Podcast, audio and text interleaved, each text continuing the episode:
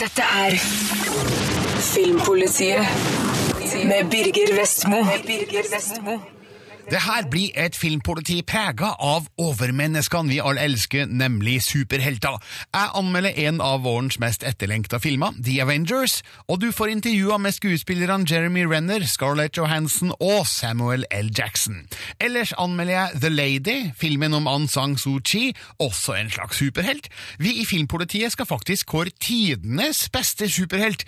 Det trenger vi din hjelp til. Og så får du stift bekjentskap med en firbeint, pelskledd superhelt. Jeg anmelder animasjonsfilmen En katt i Paris. You were made to be ruled. Jeg har følt forventningene til The Avengers vokse etter hvert som både Thor, Captain America og Iron Man-filmene satte en høy standard for morsom superheltaction. Når de nå samles sammen med bl.a. Hulken, Hawkeye og Black Widow i The Avengers, er resultatet en tilfredsstillende effektorgie med humoristisk snert. Filmen skuffer ikke, men jeg syns likevel at heltene er et hakk bedre hver for seg enn sammen. It will be every man for himself. Thors hevngjerrige bror Loke, spilt av Tom Hiddleston, kommer til jorda for å stjele en energikilde som Tony Stark-Ironman, Iron Man, spilt av Robert Downey jr., fant mens han leita etter Captain America, spilt av Chris Evans. Nå bruker Loke denne kilden til å åpne en portal for å slippe slemme aliens ned på jorda. Lederen av agentorganisasjonen Shield, Nick Fury, spilt av Samuel L. Jackson, samler en gruppe superhelter for å forhindre det. Jeg liker hvordan figurene beholder sine distinkte særpreg fra de tidligere filmene. Tony Stark Iron Man er fremdeles den rappkjefta ironikeren. Thor, spilt av Chris Hemsworth, den noe svulmende gudefiguren. Loke, den tvilsomme stakkaren, og Captain America, den gammeldagse helten som nå strever med å holde seg oppdatert i den moderne tida. Det oppstår mange morsomme øyeblikk når disse figurene krysser hverandres spor, ofte forårsaka av Tony Starks vittige poenger. I have an army. En ting jeg var spent på, var hvordan manusforfatter og regissør Joss Whedon skulle greie å la alle de her plasskrevende superheltene få nok albuerom i en og samme film. Jeg syns ikke han har kommet helt i mål. Det blir litt for mange figurer å forholde seg til, og ikke alle historieelementene får nok tid til å utvikle seg skikkelig. Mr. Stark. Captain, it's time. Jeg liker òg den visuelle biten. Vi blir med på en virtuos effektreise der all triks tas i bruk. Det er tøft når Black Widow introduseres, når Shields flygende hangarskip angripes, og når det går mot et eh, spektakulært showdown på Manhattan. Det er de her sekvensene som gjør filmen til en opplevelse. Dette er virkelig et digitalt sirkus. Apparently, I'm. The Avengers er nesten like god som sine forgjengere, og jeg er viss på at det kommer flere. Men først får vi nye filmer med Captain America, Thor og Iron Man, og jeg tror de her heltene fremdeles har det aller best når de får sin alene.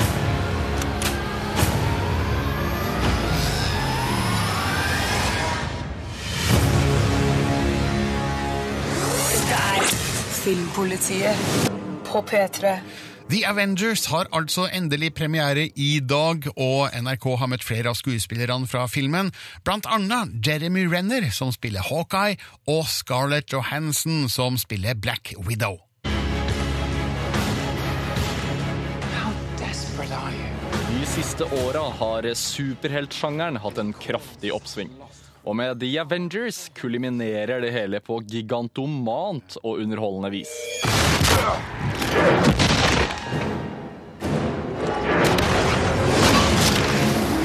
Her samles seks av USAs mest populære superhelter for å redde jorda fra superskurken Loke. I have an army. We have a Hulk. Oh, I thought the beast had wandered off. You're missing the point. There's no throne. There is no version of this where you come out on top. Maybe your army comes, and maybe it's too much for us, but it's all on you. Because if we can't protect the Earth, you can be damn well sure we'll avenge it.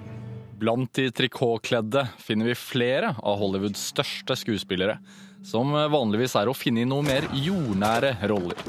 Men da Filmbonanza i forrige uke tok en kort prat med Jeremy Renner og Scarlett Johansson, hadde ikke de noe problem med å identifisere seg med superhelter. Well, these characters are based in reality, man. I think why the reason why the fans are so responsive to superheroes in general is because they love them for their flaws as well as you know their ability. It's like I think we learned that with Iron Man. Robert was so um, he he gives such like gravitas to the character that he's playing that I think that's what the fans really responded to was like, whoa, he's just a dude that's like really kind of cocky and funny and you know, but yet he's and he's struggling with all these demons and and yet you know he puts on that suit and he becomes like it's like every kid who puts on a cape and they want to you know fly. It's it's that kind of idea. All of us all of us are those kids, you know.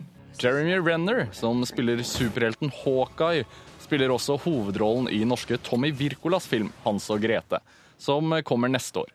Og vi sneker inn et spørsmål om eh, hvordan det har vært å jobbe med nordmannen. I'm crazy about him. That sort of Viking mentality, and uh, uh, it's no nonsense, and it's to the point. He's got a great, great sense of humor and humility to to anybody, like from Iceland to anybody in, in Scandinavian countries. I love him. Fantastic. Actually, we had a lot of people just from from Sweden and um, all, all over the world in, in that movie. So. Du hørte Jeremy Renner som spiller Hawkeye, og Scarlett Johansson som spiller Black Widow i The Avengers. Du hørte også stemmen til reporter Vegard Larsen fra Filmbonanza, der dette intervjuet først ble sendt. Samuel L. Jackson har vært en av Hollywoods kuleste skuespillere i ca. 20 år. Tenk bare på Pulp Fiction, Unbreakable, Kill Bill Volume 2, Jackie Brown osv. Nå spiller han Nick Fury i eh, The Avengers, og NRK har møtt han. War has started. And we are hopelessly outgunned. Director Fury, I think it's time. Nick Fury er direktøren for etterretningsbyrået Shield, som er dedikert til å beskytte verdens befolkning fra alle trusler i Marvels tegneserieunivers. Fury har tidligere blitt portrettert av David Hasselhoff i filmen Nick Fury Agent of Shield. Men etter at tegneseriefiguren ble basert på Samuel Jacksons utseende og væremåte i Ultimate Marvel Universe, var det tydelig hvem som måtte spille figuren da han først dukket opp i Iron Man. There was an idea to bring together a group of remarkable people. So when we needed them, they could fight the battles that we never could. Nå kan du se Samuel Jackson i superheltfilmen The Avengers. Og her er rollefiguren Nick Fury omringet av helter med superkrefter. Jackson forteller at arbeidet ikke er noe annerledes med denne figuren enn andre roller han har spilt. Selv om både Fury og universet han befinner seg i, er noe virkelighetsfjernt. Well, once you understand the rules of the particular world that you're working in, then you approach it with the reality of what those rules are. Um, there's no way to, you know, kind of go in this and go, I'm extraordinary, so I have to act extraordinary. no, you respond to the things and the people the, the, the, the same way you normally would. Når du spiller i en superheltfilm som The Avengers, er det kanskje ikke så merkelig at det flommer over av heftige drakter og kostymer. Det syns Samuel Jackson var gøy. Yeah, you know, it's like a costume party. You put your stuff on and go trick or treating. Go by a craft service table, pick up some candy. Same thing. The two Chris's have tools. They have they have to be you know kind of screwed into their costumes and you know with wrenches and screwdrivers and stuff. Mine's just an ordinary costume I could put, take on and off. I thought I didn't qualify. Apparently, I'm, what is it, volatile, self obsessed, and don't play well with others. For Samuel Jackson er det viktigste å gjøre en god jobb, slik at publikum tror på rollefiguren hans. I just enjoy going to work and you know portraying a character and hopefully you know giving that character everything I could give it, so that when people see him, they believe him, they understand him, and hopefully admire it in a way. If we can't protect the Earth, you can be damn sure we'll avenge it. Du hørte Samuel L. Jackson, som altså spiller Nick Fury i premierefilmen The Avengers. Reporter var Marte Hedenstad. Min anmeldelse av filmen finner du på p3.no filmpolitiet. Dette er Filmpolitiet med Birger Vestmo. Birger Vestmo. Her i Filmpolitiet skal jeg anmelde en premierefilm.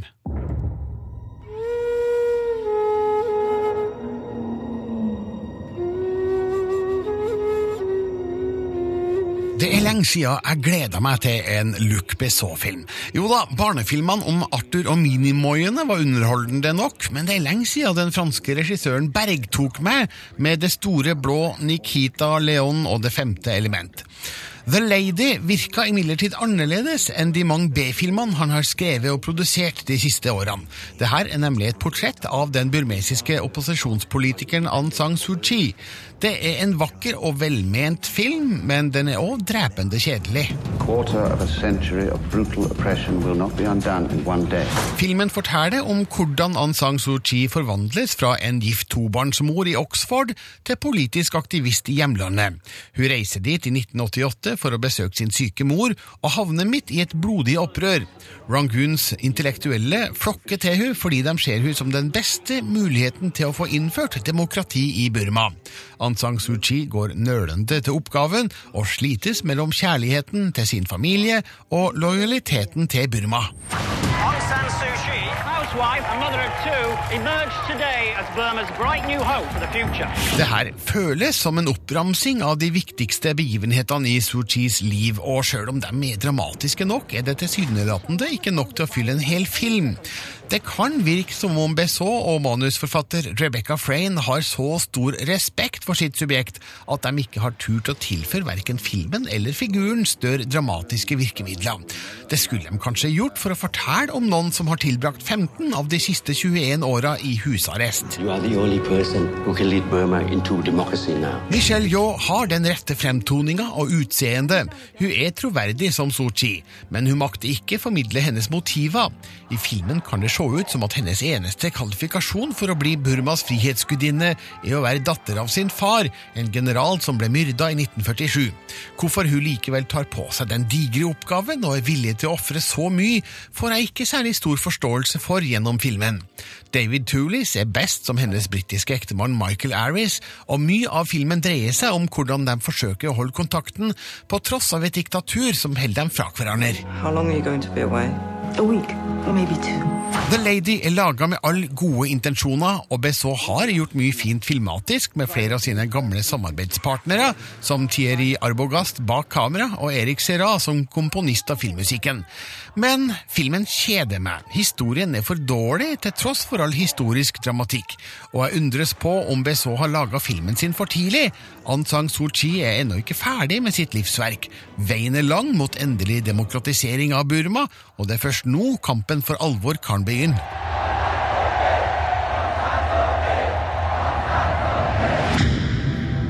The Lady. Dette er Filmpolitiet på P3. Hvis du var en av de overraskende mange som ikke så The Girl with the Dragon Tattoo på kino, så har du en ny sjanse nå. Denne uka kom filmen ut på Blu-ray og DVD. Her er min anmeldelse. She's one of the best investigators I have. But I'm concerned you won't like her. She's different. in what way? In every way. Hadde jeg ikke sett Menn som hater kvinner, ville The Girl with the Dragon Tattoo kanskje vært årets mest interessante krimthriller. Men med Nils Arden Opplevs svenske original relativt friskt i minne, er det ikke til å unngå at denne amerikanske versjonen mister litt av sin appell. David Fincher tilfører sin karakteristiske filmatiske virtuositet, mens manusforfatter Steven Salen med hell har finjustert flere elementer i Stig Larssons historie. Samtidig tas det overraskende få sjanser her. Filmen føles som en slags blåkopi av sin svenske forgjenger. Det forundrer meg at dette prosjektet tiltalt Fincher, men kopien hans er noen hakk bedre enn originalen. This is Harriet. Someone in the family murdered Harriet. And for the past 40 years has been trying to drive me insane. Utgangspunktet er det samme. Journalisten Michael Blomkvist, her spilt av Daniel Craig, får et mystisk oppdrag.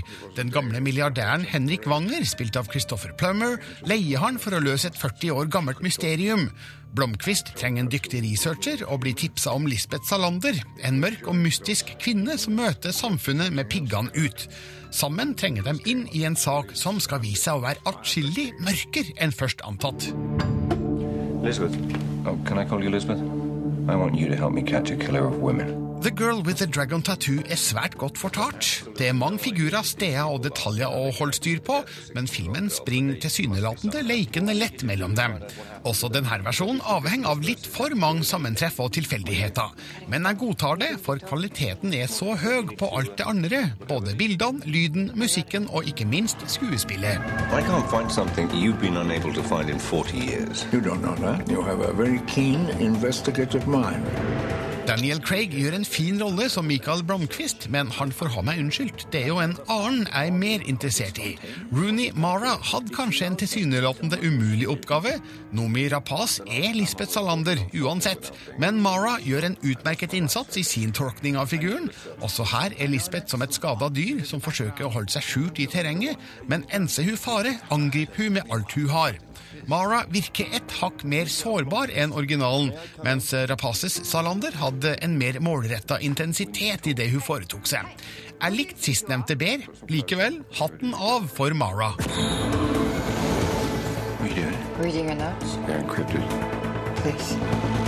The Girl with the Dragon Tattoo er nok en kvalitetsfilm fra David Fincher, som ikke ser ut til å være i stand til å lage dårlig film.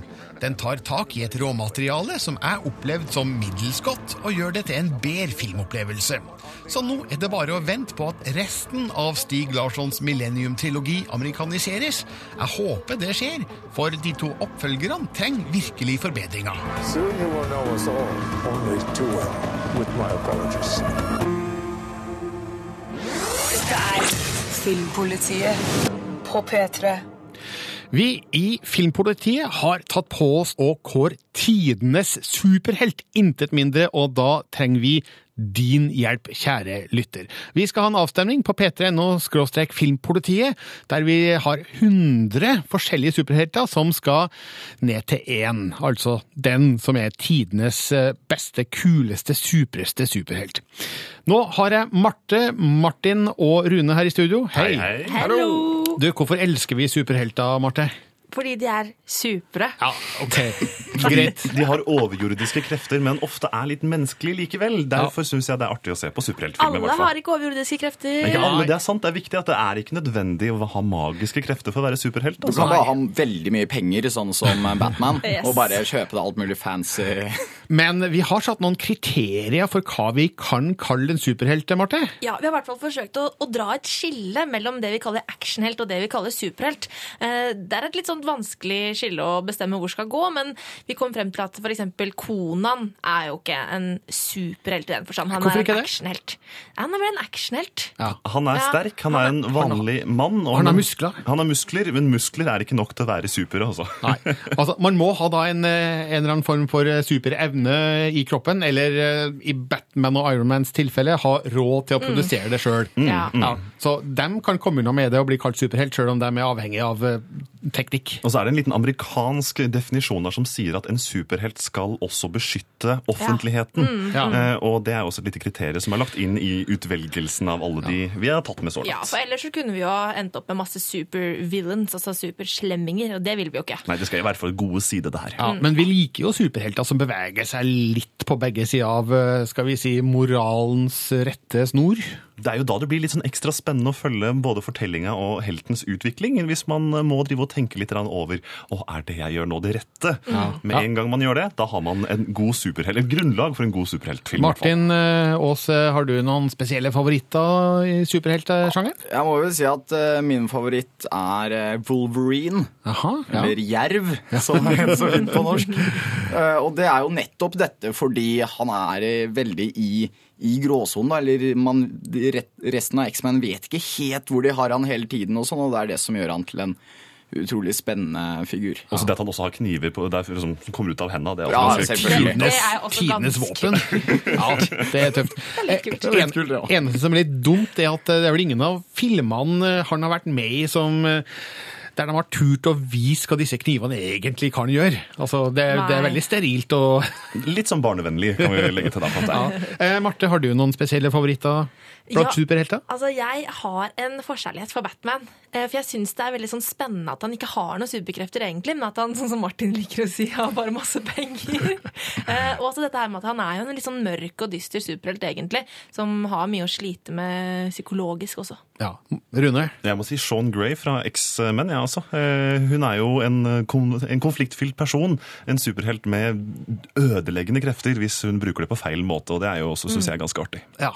Min egen favoritt blant superhelter er, jeg er faktisk veldig usikker på hvem det er, altså, men jeg, jeg liker jo veldig godt Captain America. Da. Det er fordi han er basert i eh, en veldig sånn nostalgisk superheltesetting. Det er liksom 1940-tallets eh, arkitektur og eh, skal vi si superheltmote, kombinert med nåtidas moderne teknologi, i hvert fall på film. Så om han ikke er tidenes kuleste beste, så er han i hvert fall en av de, de fineste. Og det at han er en liten pingle som da Går gjennom en forvandling, ja. ja, eh, og blir liksom den, den duden, det, det tiltaler meg på et eller annet eh, underbevisst vis. Jeg vet ikke helt hvorfor. Men i hvert fall eh, Hva som er våre favoritter, det er egentlig ikke så veldig viktig her. Fordi det er da alle som besøker Filmpolitiets nettsider, som kan stemme frem tidenes superhelt. Martin, det er du som er skal vi si, teknisk ansvarlig for avviklinga av denne kåringa. Kan du fortelle hvordan skal det her nå skje fremover? Ja, nei, nå har vi jo en drøss med egentlig alle superheltene vi kunne komme på, og også fått hjelp fra folk på Facebook og Twitter og i kommentarfeltet, Ja. til å da eh, gi en gigantisk liste som nå ligger ute på p3.no filmpolitiet, hvor man skal stemme på de, Og den de er, som på, skal være med. den er på 100 superhelter?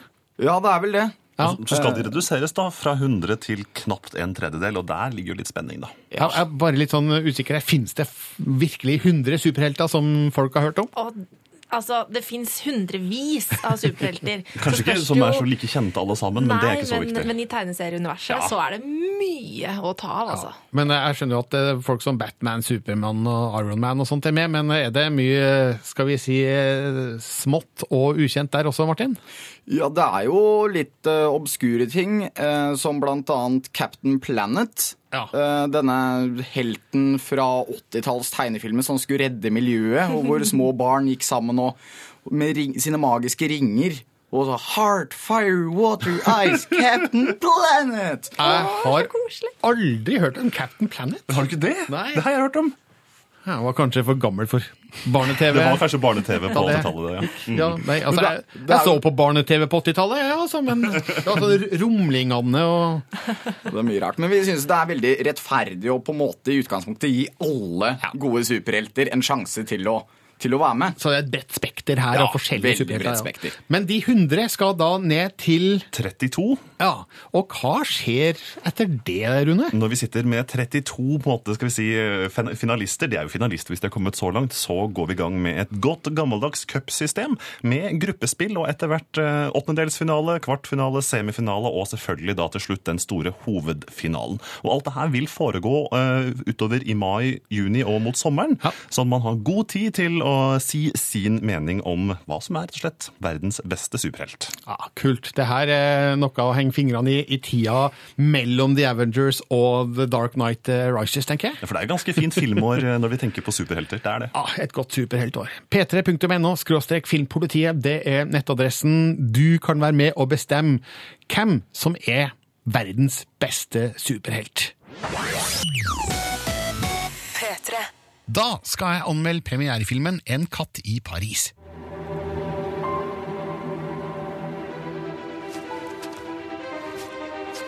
En katt i Paris er en spennende thriller som bruker fransk bymiljø som aktiv og effektiv kulisse. Handlinga og et aggressivt lydspor vil kanskje gjøre det her ett hakk for skummelt for de aller minste, mens jeg tipper de litt eldre barna vil like den. Sjøl syns jeg det her er et utmerket eksempel på at man ikke behøver avansert digital 3D-animasjon for å kunne fortelle en god historie. Det holder med papir og fargeblyanter. Jeg vet ikke om noe tristere for en liten jente enn å miste faren sin. Tittelens katt tilhører Zoe, datter av den kvinnelige politisjefen i Paris. Zoe ble stum da politipappaen ble drept av skurken Costas. Nå er mora på jakt etter ektemannens morder, samtidig som familiens katt hjelper en tyv i nabolaget om natta. De her sakene vikler seg inn i hverandre, noe som kan bli farlig for både Zoe, mora og katta. Victor Costa. Det er han som drepte faren din. Jeg skal innrømme at jeg i utgangspunktet ble litt skeptisk da jeg så filmens spinkle utseende med få detaljer, grove karikaturer og enkel animasjon. Jeg er, som mange andre, godt vant til Pixar-piksler og Dreamworks-drømmer, men jeg skjønte fort at det var feil tankegang. For det tok ikke lang tid før jeg var sugd inn i historien og forsto at animasjonen var mer enn god nok til å fortelle den. Hei, der er du jo. Jeg skulle til å dra uten deg, kompis. Om animasjon virker av det enkle slaget, gjelder det definitivt ikke lydsporet. Her brukes alle midler for å gi filmen et ekstra trykk. Det smeller f.eks. skikkelig når det avfyres pistolskudd. Det er med på å fortette spenninga, slik at det her kanskje blir litt for skummelt for de aller yngste. Filmen har fått sjuårsgrense, og trenger nok det.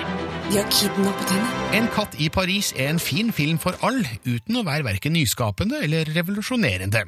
Ikke alle filmer må være det.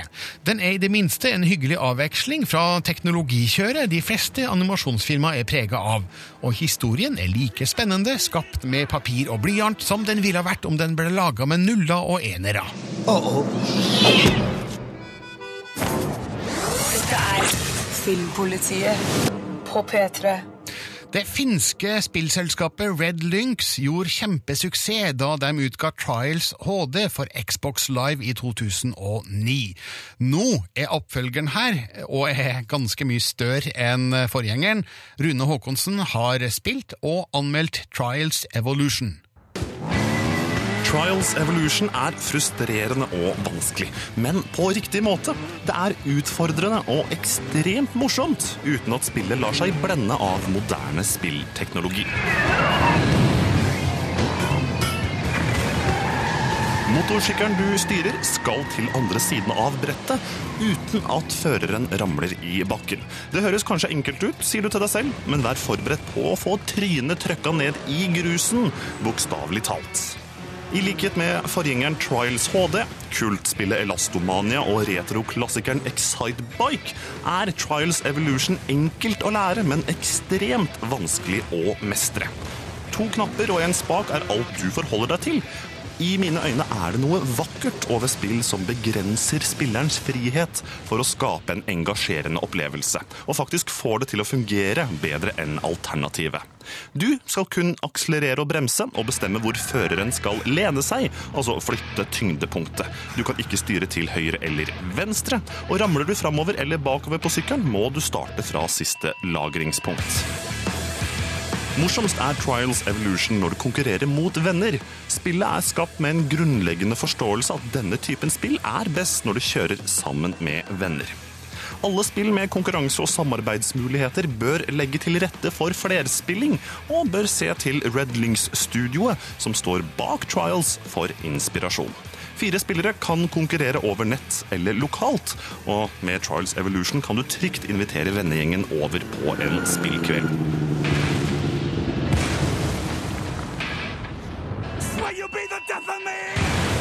Nye motorsykler med nye egenskaper blir låst opp etter hvert som du samler medaljer, og for hvert løp får du en liten sum penger.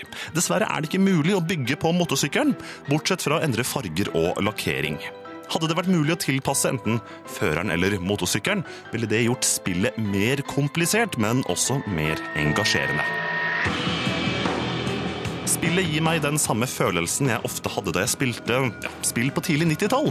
Jeg kan bli irritert, sint, lei, glad, dedikert og jublende. Hele det følelsesmessige aspektet settes i sving, og euforien slår til igjen og igjen hver gang jeg endelig klarer å få en gullmedalje på et vanskelig brett. Trials Evolution har ingen avansert historie, er eksepsjonelt enkelt å lære og er vanskelig å mestre. Det er ganske enkelt et velprodusert spill.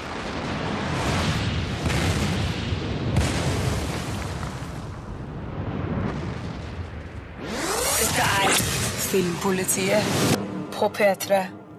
Trials Evolution ble anmeldt av Rune Haakonsen. Du kan lese og se anmeldelsen hans, og ikke minst kommentere den på p3.no – filmpolitiet.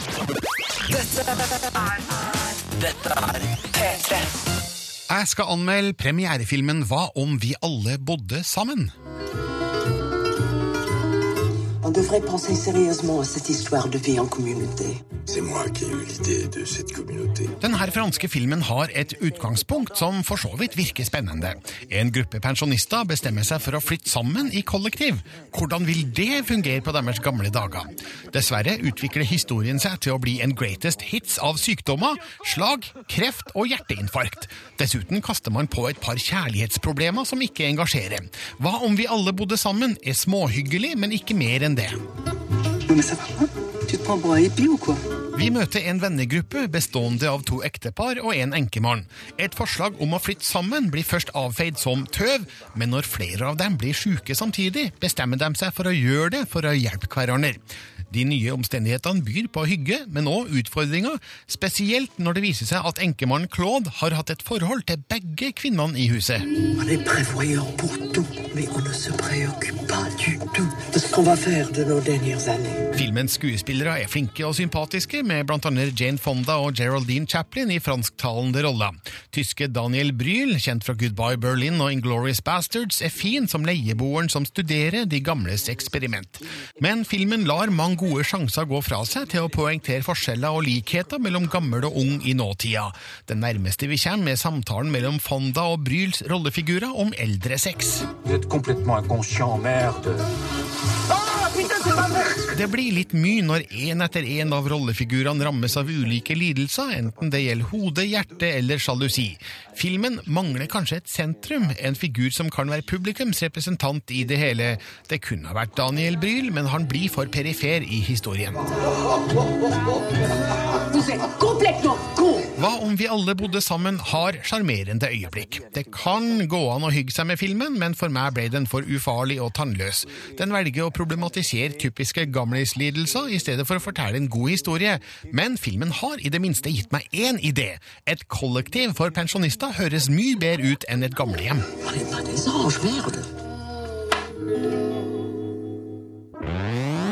Dette er Filmpolitiet med Birger Vestmo. Nader og Simin, Et brudd er nå ut på Blu-ray og DVD, og her skal du få mine grunner til hvorfor dette er en film verdt å se. چیزایی که دارین میگین دلیل کافی برای طلاق نیست خانم اگه دلیل دیگه دارین بفرمایید چه دلیل دیگه شوهرتون معتاد باشه کتکتون بزنه خرجی نده نه خیر ایشون نه معتاده نه مشکلی داره خیلی هم آدم خوب و سالمی پس برای چی می‌خواد طلاق بگیره Små, hvite løgner kan få store, svarte konsekvenser. Det må være moralen i den iranske filmen Nader og Simin et brudd. Det er en film som både provoserer og beveger, med solid skuespill og effektiv regi av en komplisert historie.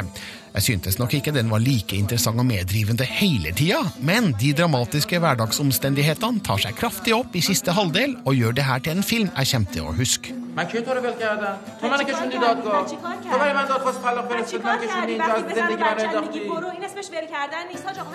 Simen, spilt av Leila Hatami, vil skilles fra Nader, spilt av Peyman Moadi, og flytte hjem til sin mor. Nader leier hushjelpa Razie, spilt av Sare Bayat, til å ta seg av hans Alzheimer-syke far, men gir hun sparken når han oppdager faren alene, lenka til senga. Avskjedigelsen får imidlertid dramatiske følger, som får et rettslig etterspill. Plutselig risikerer begge sider store tap i saken, men hvem forteller sannheten? Og hva gjør det her med Nader og Simin? رفتم یه دقیقه یه کاری برام پیش اومد کارم انجام میدم برگردم بی خود رفتی یه دقیقه بیرون رو بیای خواب بود خواب بود با در روش قفل کنی بری Filmen er uhyre velspilt. Alle skuespillerne skaper figurer med høy realisme og stor overbevisning. Peyman Moadi er troverdig som den hardt pressa Nader, som både må takle en forespeila skilsmisse, dattera Terme, spilt av Sarina Farhadi, som forsøker å holde foreldrene sammen, og vanskelighetene som oppstår med hushjelpa. Best er Sara Bayat som hushjelpa, med en vanskelig livssituasjon som tvinger hun til å ty til drastiske grep. Hun er en overlever som trenges inn i et hjørne.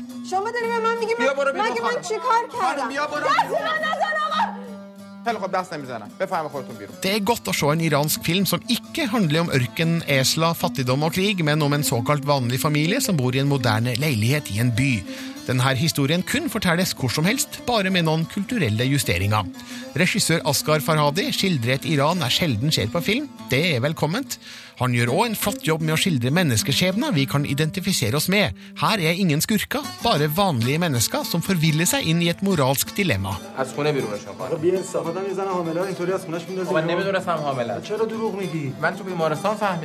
Nader og Simin, et brudd, har noe å fortelle om moral, anstendighet og ærlighet. Den ber oss ikke dømme de involverte figurene, men advare mot hvite løgner man ikke aner konsekvensene av. Det her er et solid drama som ikke gir noen enkle svar, men stiller kloke spørsmål. Dette